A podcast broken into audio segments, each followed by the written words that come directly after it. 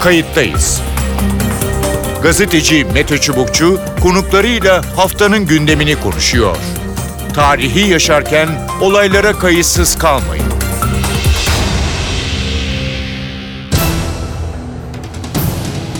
İyi günler bir kayıttayız programıyla daha karşınızdayız. Tarihe ışık tutmak ve olan biteni anlamak için önümüzdeki yarım saat sizlerle birlikte olacağız. Ben Mete Çubukçu. Bu hafta Türkiye'nin içine girdiği girdabı konuşacağız. Ne oldu da bir buçuk ay içinde her şey değişti. Türkiye bir şiddet ve terör sarmalı içine girdi. Şehitler, hayatını kaybedenler, siviller. Sokaklarda çığırından çıkan protestolar. Evet sokaklarda barışçıl tepki ve protestolar demokrasinin gereği ama iş bina yakmaya, basına saldırmaya benzeri olaylara doğru gidince kontrolden çıkma ihtimali de her zaman yükseliyor. Bir süre sonra ne olduğunu anlayamaz hale gelebiliyoruz. Bugün bunları Türkiye'nin geldiği noktayı, sokakları yaşanan süreci konuşacağız. İki konuğumuz olacak. Kayıttayız'ın e, konuğu Abdülkadir Selvi. Abdülkadir Selvi Yeni Şafak gazetesi Ankara temsilcisi. Hoş geldiniz programımıza. Teşekkür ediyorum. Ee, zor günlerden geçiyoruz. Zor günlerden geçiyor Türkiye. Ee, inşallah e, kısa sürede e, bu e, günleri atlatırız diyorum. Ama tabii bugünlerden de geçerken dikkatli olmak gerekiyor. Şu anlamda dünkü yazınızı okuyunca çeşitli sorular oluştu. Bir haftadır yaşıyoruz. Tabii ki tepkiler var tepkiler olacaktır. İnsanlar tabii ki sokaklara demokratik haklarını barışçıl şekilde e, korumak, e, barışçıl şekilde göstermek için e, dökülecektir. E, ama iş şiddete e, ve yakıp yıkmaya döndüğünde e, sokakları zaman zaman e, denetlemekte pek kolay olmayabiliyor. Sizin yazınız sokaklar tekin değildir e, diye e, başlıyor. Hem bu genel gidişatı hem de bu başlığı konuşmak istiyorum. Buyurun. Tabii çok e, kaygı verici bir e, sürece girildi. Ben uzun süren barış sürecinden sonra çok kısa sürede hemen bu çatışma sürecine girilmesinden dolayı da ayrıca endişelendim. Türkiye'de bu kadar kırılgan olmamalıydı.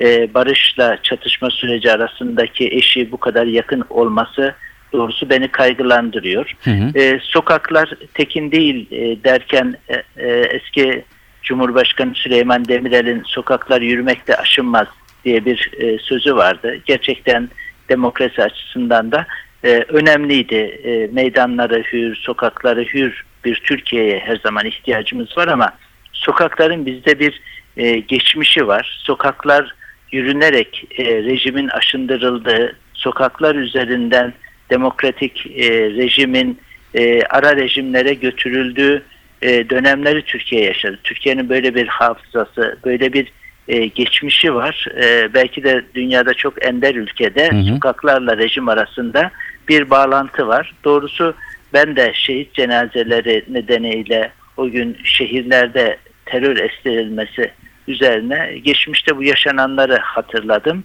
ve ürktüm doğrusu. Hı hı.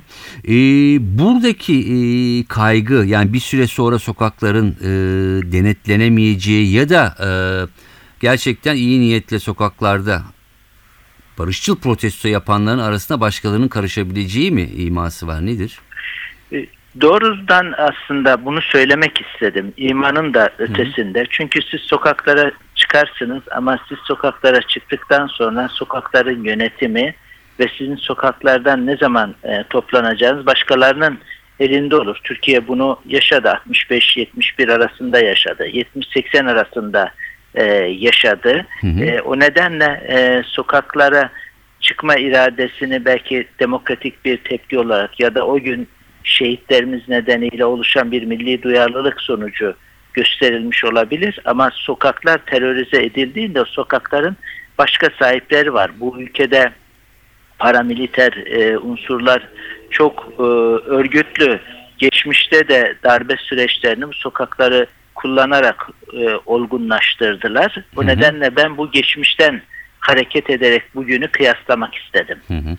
Ee, peki e, yani burada e, şuradan devam edelim. E, çünkü yazıda ve konuşmanızda bir takım olaylardan sonra işte darbelerin e, darbelere zemin hazırlanması ve darbelerin gerçekleşmesi e, söz ediliyor.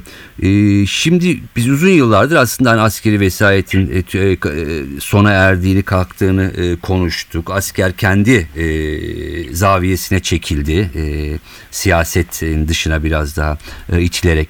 E, peki bunları tartışırken şimdi e, yeniden böyle bir e, darbe ihtimali söz konusu mu? Ne dersiniz? Bence değil. E, Ama e, Süleyman Demirel'in yine 28 Şubat'ta bir e, uyarısı olmuştu. E, darbe önce konuşa konuşa zihinlerde gelir diye. E, zihinlerde bu oluşmaya başladıktan sonra artık her şey ona göre e, hazırlanıyor. Bu ülkede elbette ki darbenin bir pratiği var. Sabah kalktığında askerler tankları yürütmüyor ya da hükümete muhtıra vermiyor, hükümeti devirmiyor. Bir süreç yaşanıyor. Darbenin olgunlaşma e, süreci. O da daha çok sokakların harekete geçirilmesi.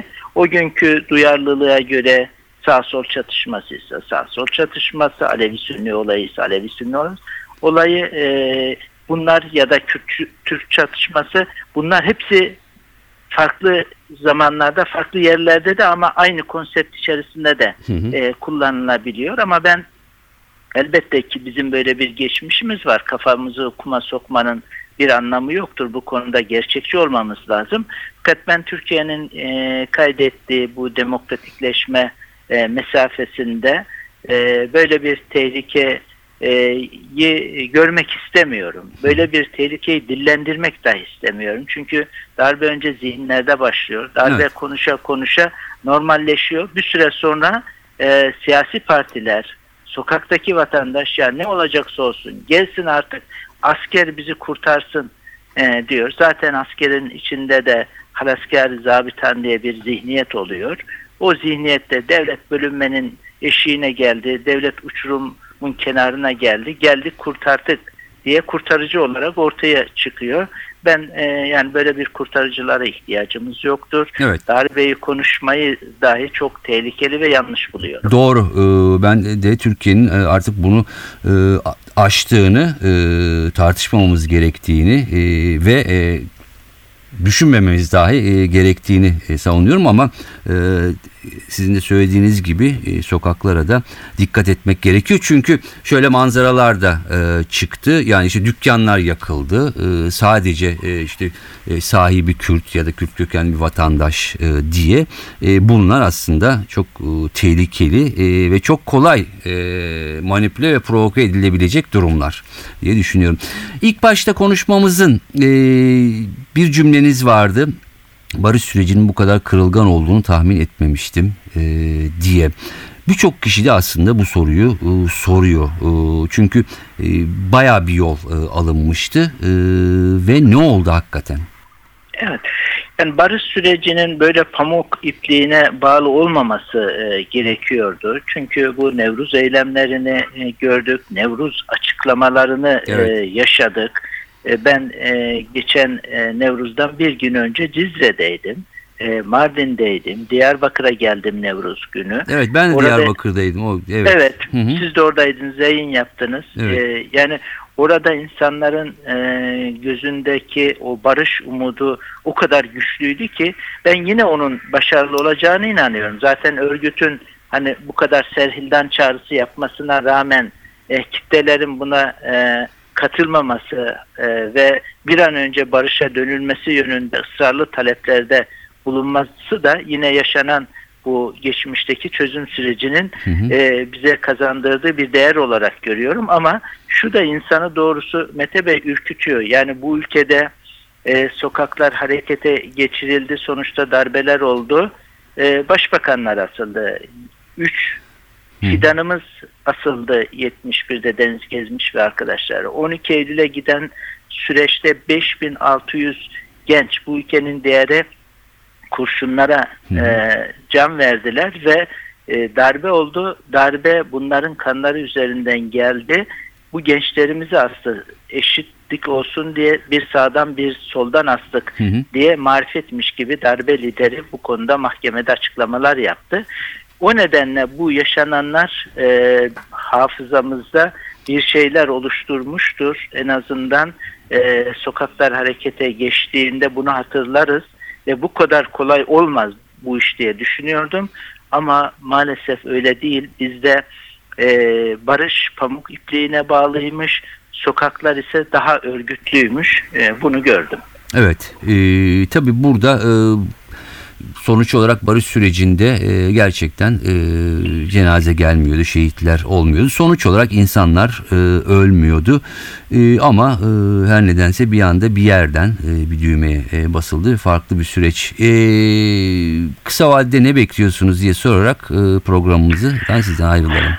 Ben şunu bekliyorum. e, Bir süre daha e, bu terörle e, yaşamaya devam edeceğiz. Ama ben bunun aylarla sınırlı olduğunu Hı düşünüyorum. Çünkü e, 90'larda olduğu gibi e, siyasi iradenin temel politikasının sadece dağdaki son terörist kalana kadar mücadele etmek gibi operasyonlara dayalı olmadığını, Hı hı. bunun sadece bir devletin yapması e, gereken e, müdahaleleri yapmakla e, sınırlı olacağına asıl temel politikanın yeniden sivil e, çözümlerin e, devreye gireceği, yeniden diyaloğun devreye gireceği e, bir e, yönetim şekli olduğunu e, görüyorum. Ankara'da iktidarıyla muhalefetiyle Milliyetçi Hareket Partisi hariç olmak üzere Hı hı. böyle bir yaklaşım var. E, o nedenle evet biz bunu biraz daha yaşayacağız ama buna e, teslim olmayacağız. E, yeniden e, sivil e, çözüm politikalarına dönülecek diye düşünüyorum. E, dün akşam e, Başbakan e, Davutoğlu'nun açıklamasında Abdullah Öcalan'la görüşülmediğini e, söyledi. E, sizinkiyle ba- e, birleştirecek olursak e, şu anda değil belki ama e, vakti geldiğinde yeniden e, oraya dönme ihtimalinden de söz edebilir miyiz?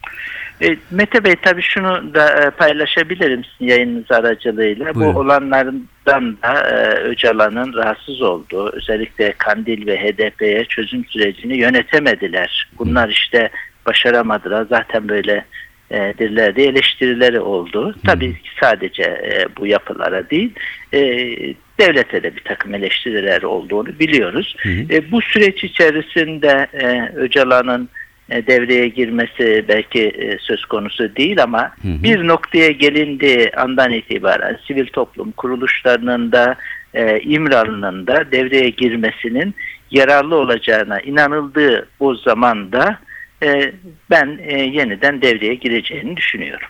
Yani Abdullah e, Öcalan e, en azından belli bir oranda e, bu gi- gidişatı kendi e, cephesi açısından durdurabilir diyorsunuz.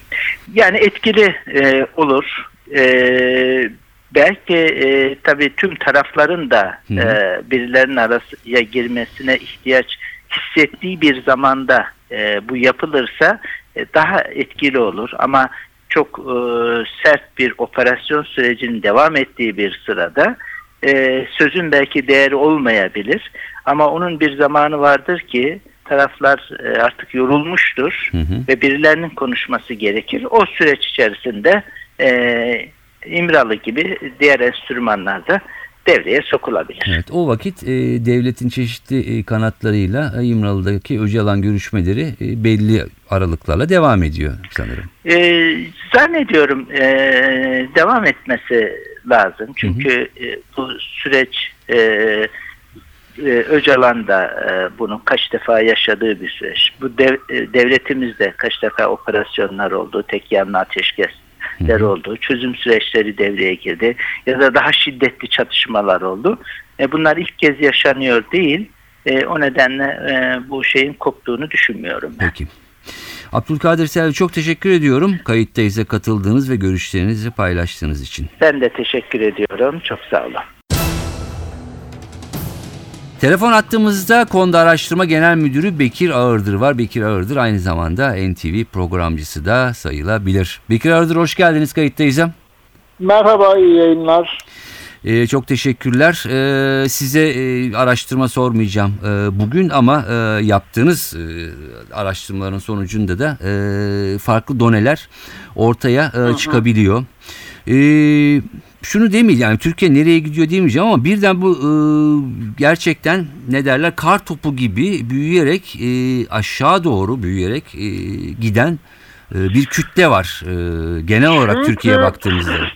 Ya şu benzetmeyi yapmama izin verin. Şimdi reçel kaynıyor kaynıyor ya da süt ve bir anda köpürüyor ve taşıyor. Hı hı. Ee, son günlerde yaşanan hal bu köpürme hali. Durup dururken de olmuş değil. Ee, ben hem sizin radyo programlarına katıldığımda hem NTV'deki programlarda ısrarla 3 senedir iş böyle bir yere doğru gidiyor diye söylüyordum. Ne demek? Şu Hı hı. bir e, kutuplaşma yani siyasi planda olduğu sanılan ve önce buna da itiraz edilmişti uzun süre biliyorsun. Halbuki 2008'den beri Türkiye ciddi biçimde kutuplaşıyor. Yeni son bir yılın iki yılın meselesi değil. Ee, ilk Konda'nın kutuplaşma var aman dikkat raporu ko- e, 2008 Eylül'dür. Yani bu sadece Kürt meselesiyle ilintili Değil. değil. Evet. hayat tarzı dahil, şey e, kültürel kimlikler arası dahil. Hı hı. Yani görünürde cilt kanseri dediğim kısmı benim kendi benzetmemle söyleyeyim. e, siyasi kutuplaşma. Evet. Ama bir adım ötesi ete, kaslara bulaşmış olanı e, kültürel kimlikler arası kutuplaşma. Türk, Kürt diye, Sünni, Alevi diye. Hı hı. Ama kemiğe dayanan, kanserin kemiğe dayandığı yer hayat tarzları kutuplaşması. Yani gettolaşmak. Yani bugün Ulus'ta kimler oturuyor de- de- desek, Bağcılar'da kimler oturuyor desek, izleyicilerin bile hiç araştırma bakmadan eminim yazabilirler e, kafalarından. Hı hı. Problem de bu. Ve bu gettolaşmaya dönüştüğü zaman artık ayrışıyoruz, yalnızlaşıyoruz, birbirimizin hayatları arasına kocaman duvarlar çekiyoruz demek. Peki. Bu eğilim bir ama asıl bu eğilimi peki bugün taşma noktasına getiren Evet şey bugüne ne? nasıl getireceğiz bunu? Lümpenleşme. Yani bugünün gündelik hayatı bunun lümpenleşme dediğim meselenin bir Türkiye'ye özgü kısımları var. iki evrensel olan kısmı var. Evrensel olan kısmı şu.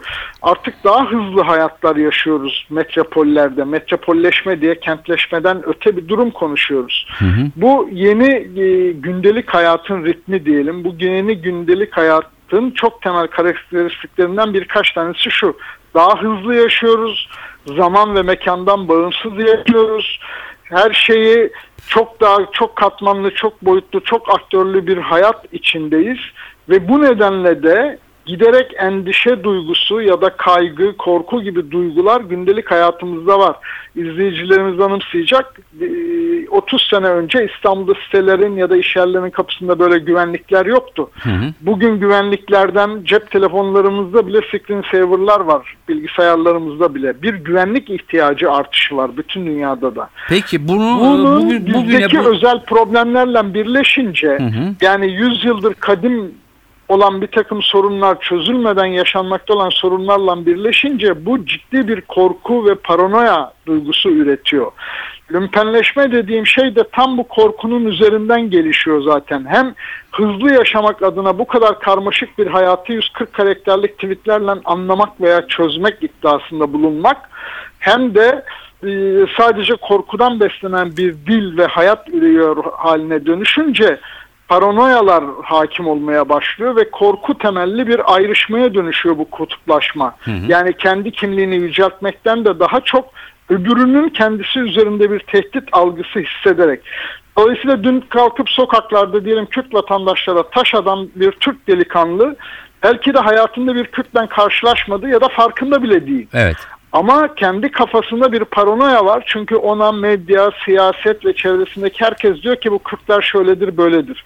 Şimdi dolayısıyla ezberler ve sığınan ve oldukça sığ bir yerden yürüyor. Yani reçelin köpüğü dediğim şey de budur. Peki e, şimdi bu o, dediğiniz e, hani amiyane tabiri başıboş e, böyle patlamaya hazır yani lümpenleşmenin de içinde e, bulunan, e, bulunan özellikler e, tırnak içinde bir de kullanılabilir. E, yani Tabii nere- manipüle edilebilir. Evet ha, oradan devam etsek yani bu çünkü- Manipüle edilebilir.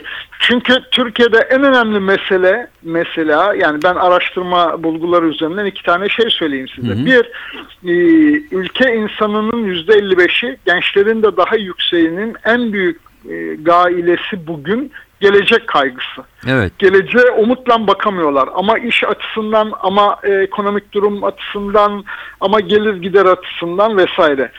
İkincisi yüzde 65'i bu ülkenin ülkeye dair en önemli korkusu nedir diye sorduğun zaman bölünme diyor. Evet. Bu bölünme paranoyasını besleyen şey nedir? Hala bizim ders kitaplarımız, hala bizim hukuk düzenimiz, hala bizim siyasi düzenimiz. Yani ulus devletin kurduğu bir sistem var ve hala ders kitaplarında küreselleşmenin Türk kültürünü yok etmek için icat edilmiş bir akım olduğunu savunan paragraflar var.